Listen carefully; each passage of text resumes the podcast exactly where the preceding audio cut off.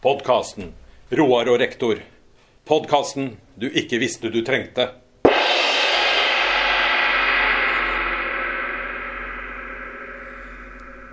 Det var seg en gang ut i Koleraland uh, at de skulle begrave en skinndelmann. Og bakerst i følget gikk enkja og slang. Uh, mens jeg kikka på kista og tralla og sang.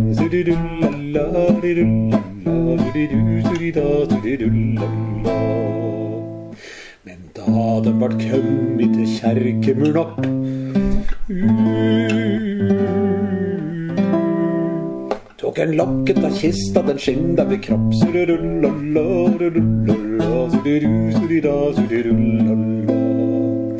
Jeg er ikke daud, jeg lever nu.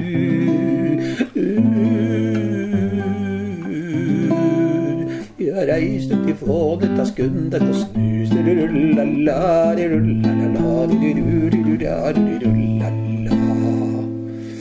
Men da skreid nå enkja til kistlokket fram.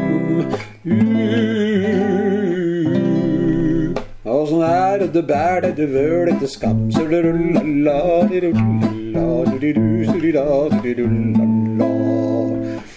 legg deg nå pent ned i kista di, du.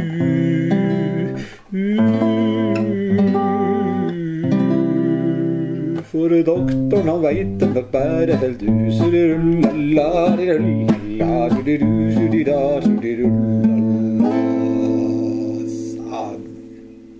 Ja, da ønsker vi velkommen til Roar og rektor i vår miniserie om de store spørsmåla. Ja, de virkelig store. De fire store. De fire store. Det er Livet, døden, havet og kjærligheten. Og størst av alt er, I dag er døden. døden. Ja. Det skjønte dere sikkert ut fra introduksjonssangen. Ja. At i dag skal vi snakke om døden. Og den introduksjonen her, og den, det er vel Alf Prøysen sin eh, Alf låt Koleravisa, Ja. den, eh, der er det jo ei som tar grep, nemlig enka, og bestemmer at gubben er dau.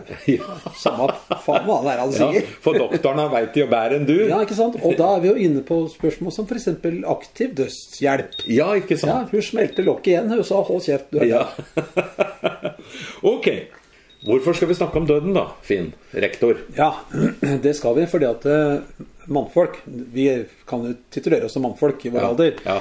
Eh, Vi er ikke kjent for å snakke så mye om de vanskelige tinga.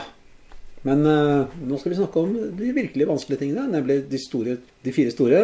Og vi skal gå løs på følelser og en del sånne ting etter hvert også. Ja. Men i dag er det døden. Yes. Det er mange som er redde for å snakke om døden. Ja. Og jeg syns ikke det er så lett å snakke om det heller, men det skal vi nå prøve. Vi skal finne ut hva skal er det? Ja. Hva er døden? Ja. Og hvordan møter vi det? Har vi vært med på noen ting?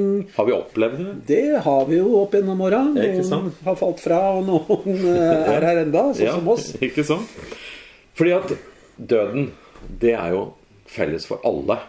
Det er det mest demokratiske vi kan tenke oss. Ja, det er jo det. Det Ingen på. slipper unna. Ja, det tenker jeg på hver gang jeg er på kjerkegården. Så steller jeg grava til mutter'n fadderen sånn, så, så ser jeg på disse gravene rundt der, da. Ja. Og da Du har jo ingen garanti for hvem du havner ved siden av. altså. Det kan være en du ikke kan fordra, ikke sant? ikke sant? Men det, i døden er alle like. Da er på en måte alt Alt er tilgitt, liksom. Nei, alle Ja. stiller på like fot. Ikke sant? Rik eller fattig. Det er ingen eh, lommer i likskjorta. Der ligger vi og drikker tælavann, alle sammen. Ja, altså som de gamle romerne sa, memento mori, husk at du skal dø. Yes. Eh, vi har jo denne filosofen Heidegger, da, eh, som sier at om, omtaler døden som det er vår mest egne og uunngåelige mulighet. Mulighet. Tanken på den kan gjøre oss mer oppmerksomme, som gjør at vi griper øyeblikkene i livet vårt. At vi på en måte karpe diem, på en måte. da.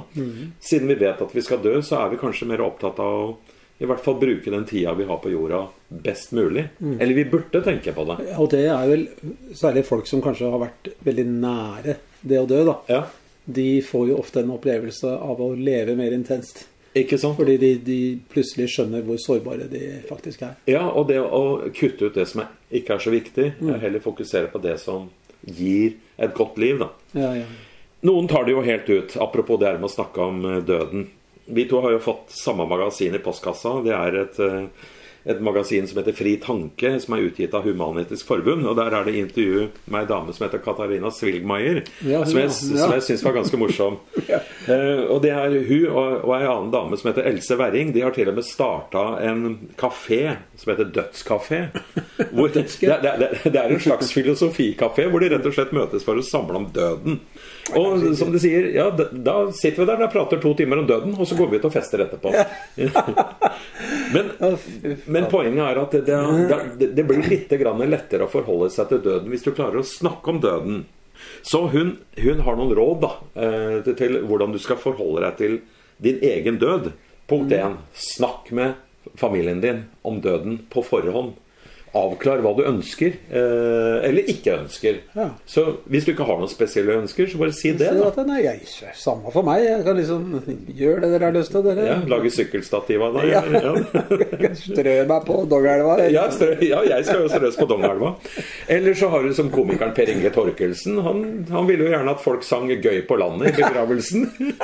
Det er fantastisk. Det er jo helt fantastisk. Verst at det har de, gjorde det med også. De gjorde det også. var noen antallsbegrensninger på den eh, begravelsen, men de som var der, sang faktisk gøy på land. Ja, ikke sant? Så, folkens, ta litt grann regien. Snakk med dine nærmeste om din egen død. Det kan godt begynne nå. Jeg håper vi har noen år igjen, men allikevel det er like greit å begynne nå. Begynne å varme opp. Ja. Fordi, Ufarliggjør det på en måte. ja, og, og, og da, det kan også gjøre at du har litt mer styrke når du plutselig Hvis du mister noen som står der nær, da. Ja. At du har eh, kraft og styrke nok til å forsøke å tenke hva ville Ja. avdøde ha ønska i begravelsen sin? At Ja. det blir en begravelse som står i stil til det mennesket som ligger der. Ikke sant? Eh, Selv om det ikke kan høre deg, så Vi har jo opplevd litt av det. Når fattern rusla, så mm, Han var gammel fagforeningsmann. Og da måtte jeg jo argumentere litt for å få lov til å synge til ungdommen. Ja. Kringsatt av fiender og sånn. Det, Ja. det ville han ha likt. Ja. Men jeg måtte argumentere hardt eh, for å få det til, og det måtte opp i menighetsrådet også, siden det ikke er en salme. Ja. Uh, måtte spørre om organisten kunne spille det og sånn. da. ja. Men jeg hadde fått det for meg at ja, det skal, han skal Hæren flytte meg få en verdig begravelse Det står i stil til det han representerte, da. Ja. Da mutter'n døde, da, så Hun sa jo alltid at uh, jeg vil ha korps i begravelsen min. Ja, Hun var så glad i korps, ja skjønner det du. det. Og så tenkte jeg, eh, da dagen kom da, og vi skulle begrave mora mi, så tenkte jeg ja, korps blir litt grann vanskelig sånn praktisk sett. Men eh, vi vi kan i hvert fall eh, møtes på halvveien. Så jeg snakka med organisten og lurte på om han ikke kunne spille Valdresmarsj. Ja.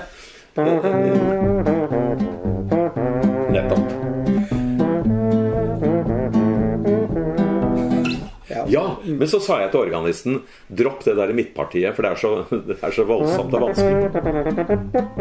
Nemlig. Ja, det der, ja. Ja, for at Vi skulle nemlig spille Valdresmarsj på vei ut av kjerka når vi bar kista. Ja. Og første del gikk jo veldig fint, da, men så klarte han ikke å dy seg. Han måtte absolutt spille det der vanskelige midtpartiet. Og spilte så mye gærent, så jeg Men jeg gikk jo og bar kista, så jeg kokte og Ja, det ble- det, hadde bare lyst til å gå opp og klappe til organisten. Men jeg måtte jo gjøre jobben. Ja.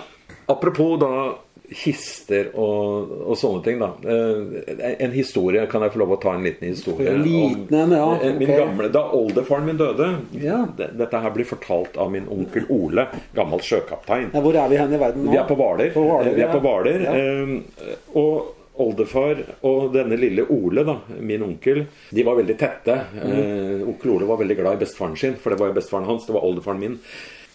Og denne Ole, han, eh, han fikk alltid lov å gre eh, håret til oldefar med, Ja. med en kam Ja. som han hadde med seg. Og, og så da, da, da tok han kammen i vann, og så kjemma han håret til bestefaren sin. Men så fikk jo oldefaren, da, eller min oldefar, hans bestefar, fikk jo da lungebetennelse. Ja.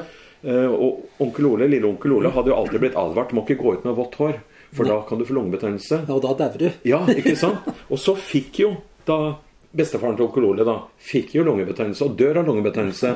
Og lille onkel Ole på fem år, han tror det er hans skyld Nei, at bestefaren hans dør. Ja. Og da Og da- da skal vi til Hvaler, altså på 1930-tallet. Og den gangen så satte du da kista på låven før du fikk den videre til kjerka. Ja, det kunne ta flere, mange Ja, lang tid. Det kunne ta flere ja. uker. Så, eh, så jeg har blitt fortalt da at min oldefar han ble lagt i ei kiste på låven og med norske flagget drapert over, og kista sto opp på et bord.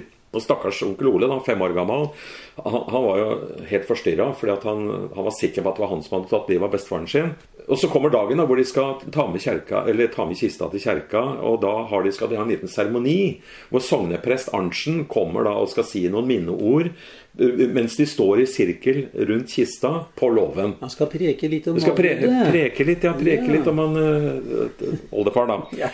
Onkel Ole, da han er fem år gammel, han er, sånn, han er fram og tilbake og under dette bordet hvor denne kista står på, da. Ja. Og der, mens han holder på, og de voksne står rundt kista, og sogneprest Arntzen driver og, oh, og preker Du aner meg at dette går gærent. ja, ja. Så titter, titter onkel Ole fram da under, under dette kistebordet og ser opp på de voksne. Det er noen som er drete.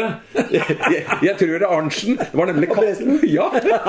Det var katta som hadde vært og lagt fra seg Nei, nei, nei. under bordet. Og Onkel Ole var overbevist om at det var presten som hadde gjort det. For meg. Ja, Det var da kanskje litt vanskelig å holde maska. ja ikke sant? Ja. Ok. Men hvis vi ser på døden før og nå, Finn. Ja. Hva er det som har endra seg mest, tror du? Altså, hvis vi ser på sånne ritualer og Ja, det er jo at mye av døden blir jo så, så borte. Altså den eh, Hvis vi, vi sourcer ut Ja. Det kommer bare noen og henter eh, liket, og ferdig med det, og så ser vi det ikke mer. Nei. Det er i jorda. Ja, og så er det sjeldnere at folk dør hjemme òg, ikke sant? Ja, ja, folk dør jo på institusjoner, de dør Ja. på, gamlehjem eller på sykehus. Ja. Eh, og da skal du være rask eh, for å få se dem i det hele tatt. Ikke sant? Som døde, da. Ja. Ikke at det er for mye å se, men eh, det er noen som tar seg av den slags, liksom. Ikke sant? Det blir regna for litt sånn ekkelt å se. ja. Men, men, men før i tida så var det helt vanlig at du så liket, eller liket sto hjemme i stua eller på låven eller Ja, ja, det gjorde jo det lenge. Ja. Eh, og det gjør jo at døden blir mer en Døden blir en større del av livet, da. Ja, ikke sant? Og, og døden blir mer fremmed for oss i dag, da, siden du har på en måte outsourca alt som har med døden å gjøre. Ja.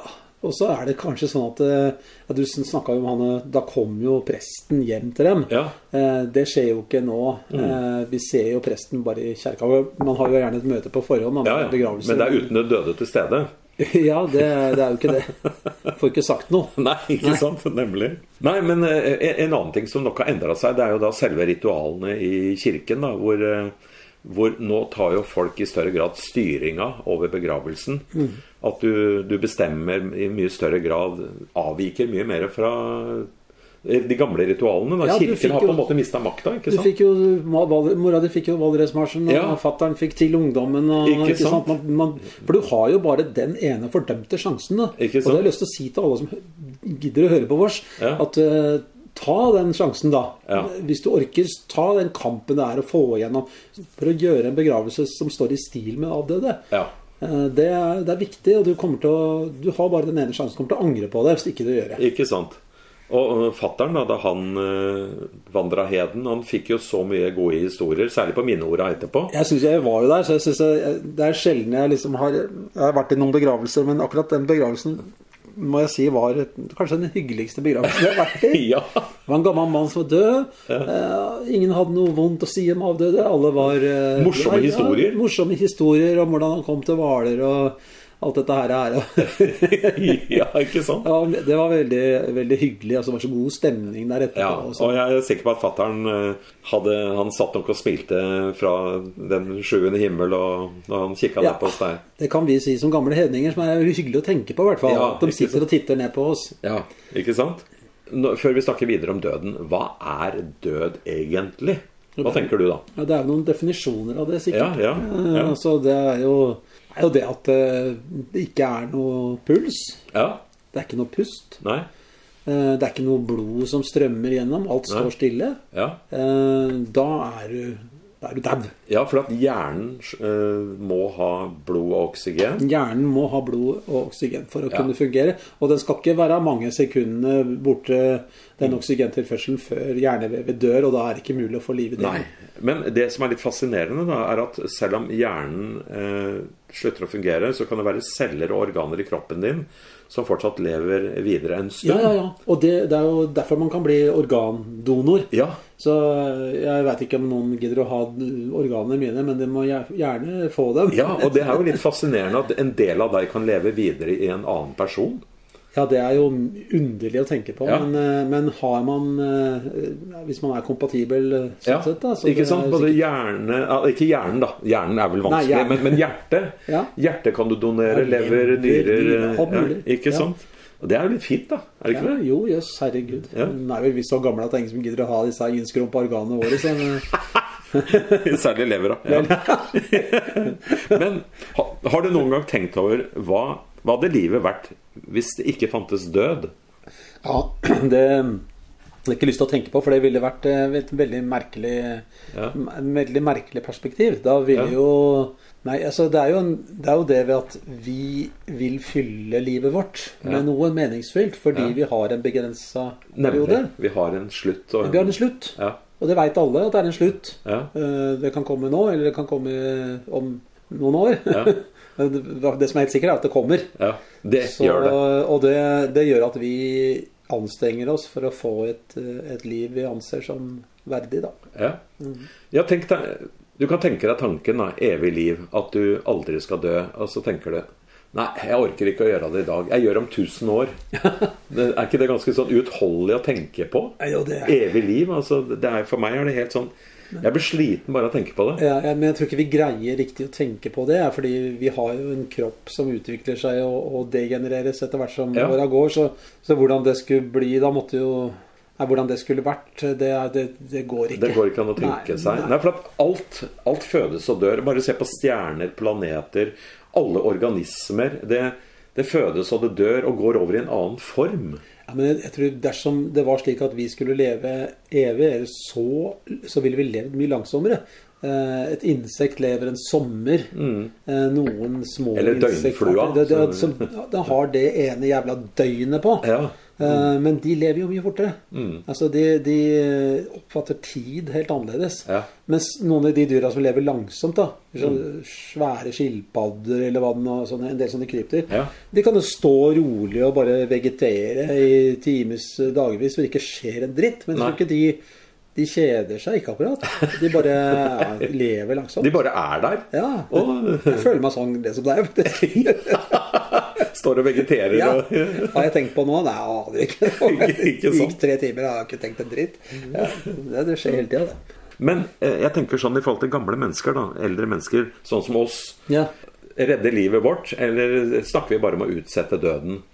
Ja, det, ja, eh, begge deler. Men eh, vi burde jo snart ha sånn etterstup, vi, som du så på der vikingene. Vet du. Ja, ja, ja. Det er bare å kaste oss utfor en Ja. en sånn eh, bra klippe. Ja, Så er det rett til Valhall. ja ikke sant? Så slipper å ligge noen til byrde. Da kan vi bare, bare forlate denne verden med et smil om munnen. Så Ikke det, sant. Og da kommer vi jo inn på det her med aktiv dødshjelp. Hvem er det som skal bestemme over min død? Legg deg nå pent nedi kista di, du. ja, ikke sant? Ja, fordi at det med aktiv, det, er jo et veldig kontroversielt tema i Norge og i mange andre land. Nå, jo, nå har vi jo aktiv dødshjelp i noen land eh, i ulik grad. Eh, Sveits, vi har det i Nederland, i Belgia, Luxembourg og Spania er det siste tilskuddet. Sjøl gamle katolske Spania har nå aktiv dødshjelp. Og, Ja. og i, i Nederland, som kanskje har kommet lengst på det området, der er det faktisk sånn at hver 25. død i Nederland har eh, en eller annen form for aktiv dødshjelp. Oi, det er mye, da. Det er ganske mye. Da har det kommet det- ganske langt. Er, er, man ikke litt redd for at det skal ta overhånd? Jo, mange mener at, at hvis du innfører aktiv dødshjelp i en eller annen form da, Du kan jo snakke om hva er aktiv dødshjelp. Er det når legen setter sprøyta på deg, eller er det når legen gir deg eh, medisin som du kan ta sjøl, sånn at du kan eh, ta livet av deg? Ja. Eller er det det, det det er jo glidende overganger her. Det der at du kutter ut respiratoren på en som ikke kan puste, sjøl, da. Det er på en måte passiv dødshjelp. Det er vel innafor i og for seg i Norge. Eh, Men, men det her med at en lege hjelper deg med å skrive ut medisiner du kan ta sjøl, eller det at en lege kan sette ei sprøyte på deg, det er forbudt i Norge. Ja. Men i, i, i Nederland er det lov. Eh, og det er jo strenge regler for, eh, for det her med Du må ha såkalt samtykkekompetanse. Som betyr at du må være i stand til å kunne At du er mentalt oppegående nok til å kunne bestemme sjøl. Ja, og så er det vel visse typer lidelser altså, eller, Ja, eller det er type ALS. Veldig Ja. gammel, eller at du er Frams, framskreden kreft osv. som gjør at du Men det er, det er jo argumenter mot aktiv dødshjelp. Da f.eks. det her om at da må du ta stilling til eh, Ja, hvilken dag har du tenkt å dø på, da? Ja, hva med i morgen? Ja, nei, men det det hadde vært, fint, hadde vært fint å få med seg en 17. mai-feiring til, hadde det ikke det? Eh, Det blir sånne praktiske spørsmål som, som det kan, kan bli vanskelig å svare på når du da ligger der. Men nå skal det sies, da, i, i Holland eller i Nederland og de andre landene som har aktiv dødshjelp, så er det strenge kriterier for det. Eh, Det er visse lidelser som godkjennes, og det er mange intervjurunder underveis, og du kan ombestemme deg. Ja. Det er det viktigste. Ja, det er jo fint, da. Det Ja. liksom, du, og det var jo det de gjorde, her Du har lest den der boka til han Paselina? Ja, Arto Paselina. ja. Kollektivt sjølmord. Ja, kollektivt sjølmord, den. Den er jo den er artig, syns jeg. Der er det jo mm, en som skal ta livet av seg, og, så, og han går innover og finner en gammel låve. Og så, og så da han skal ta livet av seg, så plutselig så hører han at det er noen andre der inne. Ja. Og det er en til som skal ta livet av seg. Ja. Og så kommer disse snakk, da. Ja. Og så oppretter de eh, plutselig finner ut at nei, vi, vi skal jo ta livet av oss, men vi, det hadde vært moro å få med seg enda flere. Ja. Eh, Så de, de annonserer jo etter folk som har lyst til å ta livet av seg. ja. I Helsinki er I dette Helsinki, og da kommer det jo en haug med folk, da. Ja, som, har, som har lyst til å ta livet av seg. Som har lyst til å ta livet av seg. Og så drar dem av gårde med en buss. Det er, med en fyr, det er som er bussjåfør, så han tar med seg alle. De bestemmer seg for at de skal eh, kjøre til Nordkapp-platået, er det ikke det? de gjør? Jo, jo. Og der skal de bare kjøre rett ut. Ja. Rett ut i midnattssola. Og så er det det som skjer da, ikke sant? Det er en som ombestemmer seg, som drar i Og drar i snora. drar i snora! Pling! Stopp! ja, Og så, så bråbremser jo bussen. ikke sant? Ja, nei, den er artig. Den boka vil jeg anbefale. Den er, Ja, ja den, og, og, og boka fortsetter jo da, siden da det første forsøket da, med å kjøre utfor Nordkapplatået mislykkes. Ja. Så, så bestemmer det seg Ok, alle her er enige om at vi skal ta livet av oss. Sjøl, Sjåføren er jo med på Han er også en sjølmordskandidat. Men, men skal vi ikke like godt ta en liten tur nedover i Europa, da? Og kose oss litt. Ja, før vi tar livet av oss. Ja. Og det, det, det er jo det, det, blir jo det skjer jo masse morsomme ting eh, underveis. Ja, da, det blir litt ordning. Så noen ja, no, noen blir jo par, noen Ja, blir jo sammen. Ja. Og, og noen bestemmer seg Nei, jeg tror vi går av bussen nå, jeg. Nå tror jeg det er greit. Ja, nå har vi fått det ganske fint, egentlig. Ja, ja, nå, nå er livet verdt å leve igjen. Men, men det var så snakk om døden. Da. Det er jo akkurat det de gjør her. da. Ja. De snakker jo om det. Ja. Og så plutselig så oppstår det et fellesskap. da. Ja. Og så bestemmer de seg Nei, kanskje det er fint å leve allikevel. Ikke sant? Det er det som er så genialt med den boka. Ja. Nei, den, så den anbefales. Arto Pasilina, kollektivt selvmord, eh, folkens. Ja, er- Det er en, en, en måte å snakke om noe som egentlig er veldig tragisk for veldig mange, men det er en måte å gjøre det på. Ja, her sitter vi da, to aldrende menn, og snakker om døden. Ja, Ja, og statistisk sett så har jeg 16 år igjen. Du har 16 år, ja. Da har jeg 19. Ja, Da kommer himmelvogna og henter oss. Sving ned himmelvogna, la meg sitte på. Himmelvogna, la meg sitte på. Kjør vei, kjør vei, pent og rolig. Nå er det ikke så langt igjen. Ja, da kommer himmelvogna Ja, i og grad, henter hvis, oss. hvis vi kommer til himmelen, da, Roar. Ja. Det veit en jo ikke. Nei, vi veit jo ikke det. Nei, Men ikke det. hittil så har vi vært veldig sånn saksorienterte. Mm. Skal vi ikke snakke om litt mer som vårt forhold til døden? Ja, og da må vi, vi styrke oss med litt nymåneakevitt, faktisk. Ja, nydelig. Herlig. Da går vi sånn. døden i møte med litt nymåneakevitt. Ja, det er jo nymåne nå, så det passer godt. Jeg driver og Finn. lager sånt, jeg, vet du. Når var første gang du opplevde død? Du, det, jeg har et par historier der. Den, den første er jo Jeg var jo en 11-12 år gammel, så drev jeg og vanka opp på en gård her på Lørenskog. Eh, Og bonden der, han hadde både gris og et par kyr og hester. Vi stelte hesta mest og sånn da. Men han kjørte jo skuler, altså henta jo skuledunker rundt på Lørenskog. Og så var det at vi fant eh, kattunger eh, på låven oppe på høyloftet. Så gikk vi til bonden da, og sa se her, du, vi har fine kattunger og greier. Så, så søte små. De var jo bare så vidt åpne øya, ikke sant. Ja, Hvor gammel var du da? en elleve år, kan jeg tenke meg. Ja, ja, ja. Så um, sier han sånn litt alvorlig på oss og sa at nei, nå har vi så mange katter på, på gården her at vi kan ikke ha flere. Nei. Så han um, Vi får gå ned i, i grisehus med dem. Jaha, skal vi gå ned i grisehus med dem? Ja vel, vi gjorde jo det, da.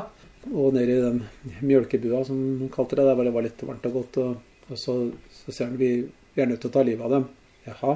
Ja, så dere får komme ut her med dem. Så tok han hver lille kattepust da, Ja. eh, fra oss og kasta dem hardt i betonggulvet. Så det sang. Ja. Eh, og så Det var nå så sin sak. Vi var jo lettere sjokkskadd. Eh, så sopte han dem liksom sammen. Og i hjørnet der så sto det en sånn Hadde en sånn kokegreie som han kokte skule Som han hadde samla inn. da, Potetskræla og alt det der greiene han Ja. henta rundt uh, på Lørskog. Så, så heiv han dem oppi der. Eh, Oppi grise, den, oppi griskokeren, ja. griskokeren, ja. og da blei det jo Det bare blanda sammen med alt det andre grisematen, da. Så det ble grisefôr. Det ble grisefôr. Da slutta jeg å spise pølser. Ja, Uff a meg. Ja, nei, vi, da grein vi, husker jeg fælt. og, eh, Det var traumatisk. Jeg husker jeg vi sykla ned på jordet omtrent der hvor triaden står. Da, husker jeg vi satt og snufsa alle mann. Vi var jo fire stykker. Fire gutter. Fire gutter, og da, Ja. da grein vi alle, Alle satt og snufsa snufsa grein, ja. Ja, for det var det der grusomme, det der veldig usentimentale. Han var jo en, en, faktisk en, en troende mann, dette her men Ja. han hadde ikke sentimentalitet i forhold til dyr sånn. Nei. Og det kan du kanskje ikke ha hvis du er bonde, Nei. Men eh, jeg husker det veldig godt. også.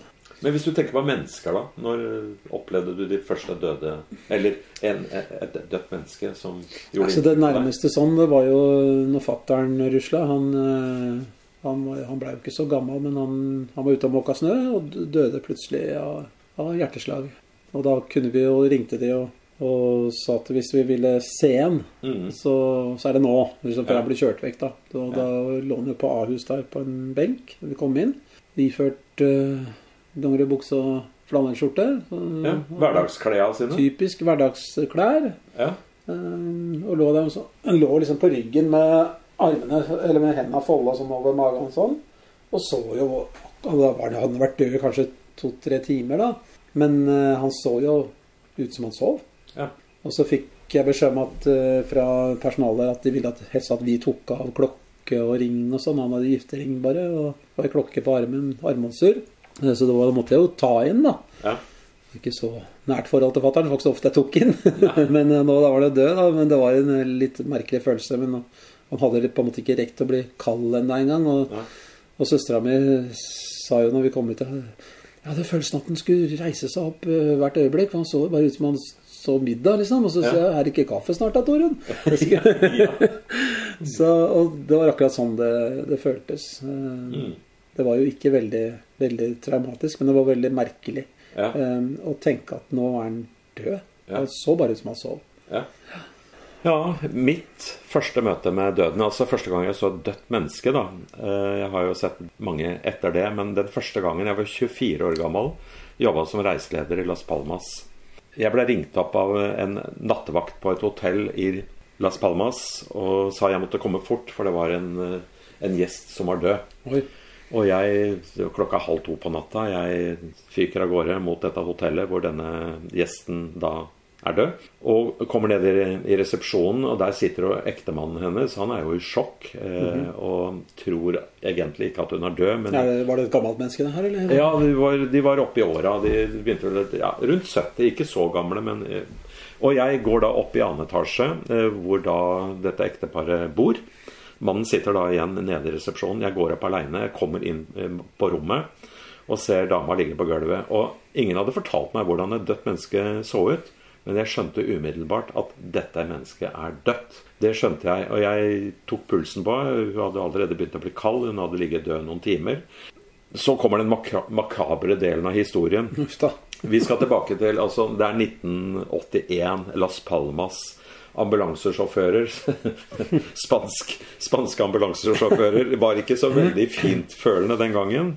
Så de, de, ambulansen kommer ganske fort. Jeg sitter da nede i resepsjonen sammen med ektemannen. Ambulansesjåførene går opp på rommet og skal hente dama.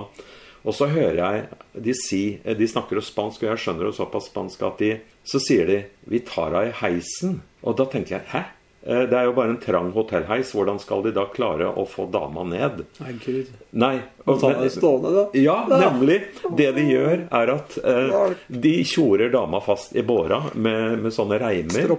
Og så setter de båra i loddrett stilling. Åh. Og så skal den ene ambulansesjåføren ta heisen ned med dama, den andre går trappa. Mhm. Men akkurat idet heisen setter i gang, så går strømmen på hotellet. Å, Jesus. Og da står den ene ambulansesjåføren aleine med denne døde dama inni heisen.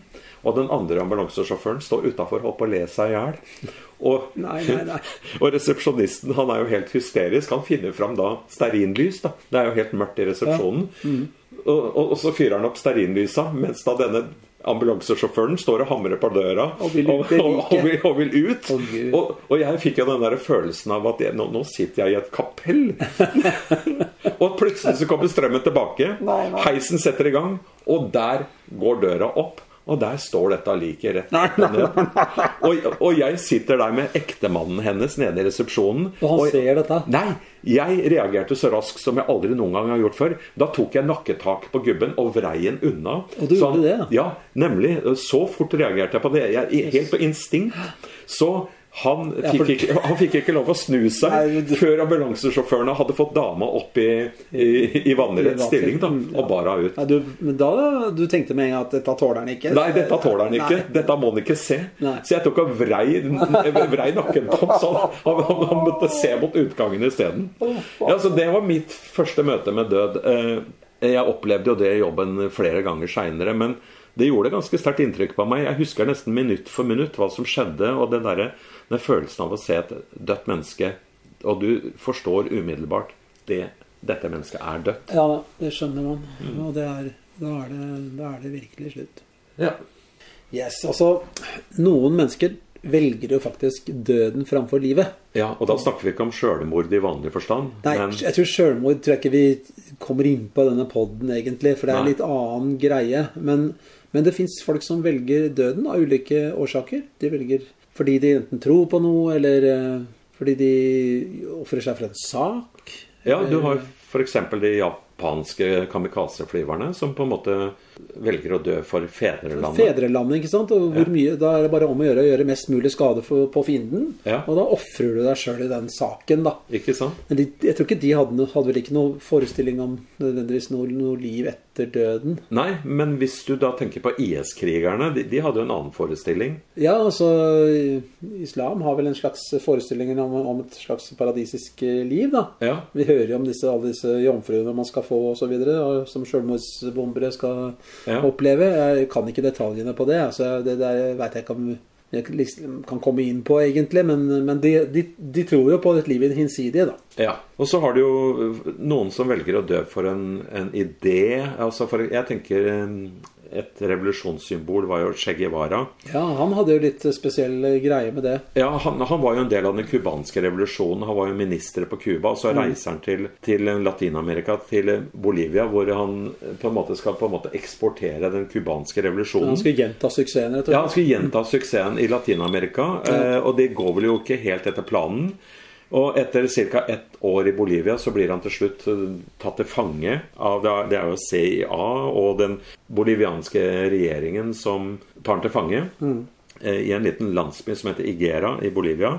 Og Han vet at han kommer til å bli henretta, og, og dagen etter så blir han jo skutt. Det som er litt fascinerende med Che Guevaras død, er at det, det ble jo tatt noen bilder av han etter at han ble henretta. Han ser levende ut, Han ser levende ut, og Ja. da på en måte vokser jo myten om Che Guevara, om at han egentlig aldri døde. Så han, han er jo malt Bildet av Che Guevara er malt på husvegger over hele Latin-Amerika fortsatt Mm. en dag i dag. Så det er jo et eksempel på noen som velger å dø for en sak, da. Ja da. Eh, unge mennesker i, i sin beste alder Mm. som velger å dø. Ja. Da er livet ei så kjært, så svært. Nei. Døden ikke heller. Det er ikke den vi synger i Ja, ja. Alltid freidig når det går. Ikke sant? Mm. Men Finn, Ja. vi kan jo ikke bare sitte og være triste og er, Hva skal stå på gravsteinen din, da? Jeg har så mye unger, så en felles bekjent av oss har sagt at han skal ha sånn advarsel. Ikke kom nærmere enn fem meter. Han vil elske å bli gravid. ja, ja, du har fått så mye unger, altså. Så, ja. Ja, Jeg, jeg var innom og kikka på gravinskripsjoner. Ja. Eh, av og til så har folk litt grann humor når det gjelder å sette opp noen, eh, noen sitater eller noen ord eller noe sånt på, på gravsteinene sine. Han eh, godeste bergenseren der, han eh, Han Petter Wessel? Johan Herman Wessel. Ja, Johan Herman Wessel, ikke Ja, Petter Wessel. Johan Herman Wessel. Og han hadde jo den der altså, skal jeg, Den var sånn Han åt, han drakk det man nesten sier det på bergensk? Ja. Han åt, han drakk, var aldri glad. Sine støvelhæler gikk han skjeve. Han ingenting bestille gadd. Til slutt han gadd ei heller leve. Jeg har sett eh, noen morsomme gravinskripsjoner på internettet, selvsagt. Ja. Der var det annet eh, Vi skal til USA. Amerikanske kirkegårder. Jeg har sett bilder av disse gravinskripsjonene, så de er ekte. Der var det annet en mor som hadde fått inngravert på sin gravstein oppskriften på mammas favorittjulekake. To kopper sukker, to vispede egg osv. Ja, det er jo Det- det er ganske snedig. etterlater seg noe, noe ordentlig kult noe. Ja, og så var det ei dame som også hadde skrevet på sin gravstein, eh, med liten skrift. Hvis du kan lese dette, så står du på puppa mine.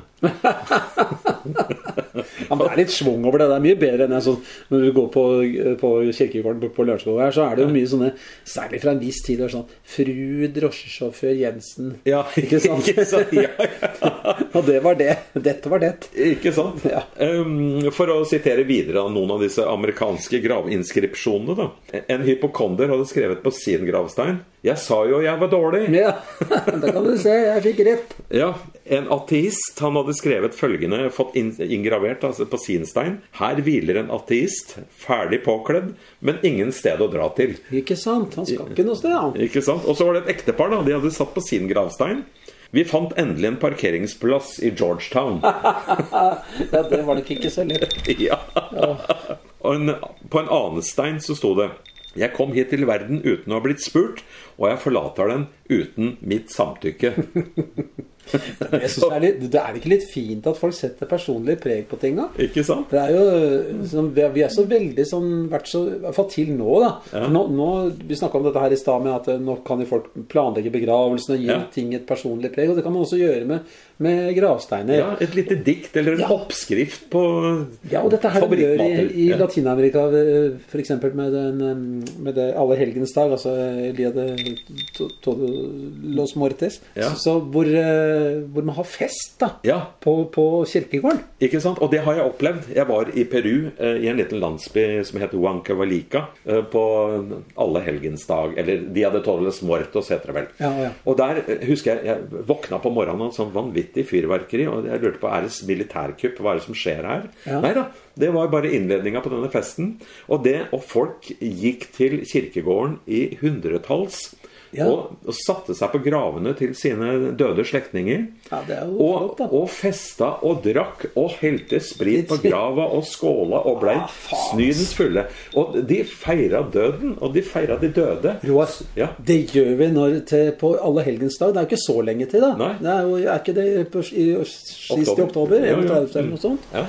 Da drar vi på kjerkegården, og så tar vi oss en liten klank med, klunk med den eh, Nymåneakevitten. Ja. Og så gir vi en liten klunk til foreldrene dine og til foreldrene mine. ja, og så synger vi en sang. Så det gjør vi jaggu meg. Det har vi en avtale. Ja, nå har vi jo vært i Sør-Amerika og sett hvordan man enkelte steder feirer sine døde. Eh, hvor man Ja. Mhm. møtes på kirkegården, både levende og døde, og så fester man sammen. Ja. Og tømmer sprit på gravene og holder Ja, på. det skal vi gjøre. Det skal vi gjøre, ikke sant? 31. oktober. Men, men, men Finn, du har jo skrevet ei barnebok, Ja. noen, eh, og du har laga noen sanger som handler om akkurat dette her sånn. Hva handler det om? Du, det handler jo om et spesielt dyr. Det handler om et beltedyr. Beltedyr, ja. For beltedyret det kan på en måte leve på to dimensjoner. Ja. Det, det er jo å være beltedyr, selvfølgelig. Og så er det å være et instrument som heter charango. Ja, for at du kan lage et musikkinstrument av skallet. Ja, eh, Tradisjonelt så blei det lagd. Eh, Ja. Nå er vel egentlig ikke det lov lenger, for da blir vi litt trua de der eh, Ja. beltedyra. Armadillo heter det. Armadillo, ja. Heter det på spansk. Eh, Og i denne historien her så er det et beltedyr som kjenner på seg at det hører akkurat som noe musikk. Det hører at nå må det ut på sin siste reise. Ja, for nå vet jeg at det på en måte det skal dø. Ja, Ja. Så han legger ut på en lang reise. Ja. Og det er det en til som gjør. Det er en, en ung gutt som Han har så lyst til å bli musiker, Ja. men han har jo ikke noe å spille på. Nei. Så han begynner også å vandre litt rundt for å se om han kan fi- lære seg eller finne noe han kan spille på. da. Ja. Eh, Disse to møter hverandre, Ja. og de kan jo selvfølgelig snakke sammen. Det kan man i barnebøker. Ja. Mm. Eh, Så, så han skjønner Eller beltedyret sier at 'jeg veit hva, du- hva du trenger, og du vet hva jeg trenger'. ja. Eh, Nå må du bære meg opp på fjellet her, så jeg kan få oppfylt mitt siste ønske. Altså, beltedyret skjønner at det kan Her har det en sjanse til å bli instrument. Ja. Hvis noen tar seg an etter Ja. at han er død. Og han eh, Carlito, som han heter da, eh, han eh, skjønner at her har jeg et beltedyr, og det kan bli til et instrument. ja. Ikke sant? Og beltedyret heter Armando, Ja. og han heter, gutten heter Carlito. Da. Så, og så, så jeg kan lese litt fra den, og så er det en liten sang som han synger mens beltedyret dør, da. Ja. Men som seinere vil gjenoppstå som, som et instrument. Ja. Og det slutten av denne boka, det er jo at Eller moralen, da, det er jo at når beltedyret er død, så gjenoppstår det som instrument. Og da lever det hver gang noen spiller på den. Ikke sant? Å, for en flott historie. Jeg fikk lyst til å bli Ja. Du kan spenne skinnet ditt over et tromme, vet du. Du kan lage en bombo av meg. jeg kan lage en bombo og en tromme. Ok, skal vi se. Nå skal jeg prøve å, å, lese. Og jo, så kommer, når de kommer opp på fjellet der, så treffer de også en svær kaktus som heter poya. Ja. Og en poya den blomstrer veldig sjelden. Det er noe sånn nærmere hvert hundrede år eller noe sånt. Ja. Og hvis du får se det, Ja. da kan du ønske deg noe. Ja. Ok. Eh, Så. Carlito satte seg ned og la Armando i fanget. Det er noe med poyaen, sa han. Når den har blomstret, så dør den. Det veit jeg, sa Armando. Men det er en ting til. Var derfor jeg hadde sånn hast med å komme hit, før jeg sovner inn for godt. Hva da? Jo, den som har sett Pojan blomstre, kan ønske seg noe. Er det sant? Carlito frøs på ryggen. Han visste jo godt hva han ønska seg, men han kunne jo ikke si det. For alle veit at det man ønsker under månelys og blomstrende pojakaktuser, det må man ikke si bort. Jeg vet hva jeg ønsker meg, jeg, sa Carlito. Ikke si det. Jeg vet hva det er, sa Armando. Fint, sa Carlito. Jeg veit hva du også ønsker deg. Ja, du gjør vel det, svarte Armando og smilte et svakt beltedyrsmil. I det samme sendte de opp raketter med fyrverkeri nede i landsbyen nedenfor på alle- allehelgensfesten. De kunne høre glade rop og smell, og hundrevis av raketter eksploderte mot nattehimmelen. Er det stjerneskudd, Carlito? Eller er det engler som lyser på himmelen? Armando skalv litt og lukket øynene. Jeg tror jeg må få fred nå, Carlito, nå som englene er kommet. Carlito klappet Armando på hodet, mens rakettene glitret og pojaen blomstret og månen danset på himmelen. Han bøyde seg over i beltedyrvennen sin og sang mens tårene rant nedover kinnene hans. Sov, sov, mitt beltedyr, din reise slutter nå. En reise som var farefull og tung og lang å gå. Sov, sov, mitt beltedyr, om livet er forbi. For alltid leve i en vakker melodi. Duerme, duerme, armadillo. Duerme, duerme, Armando.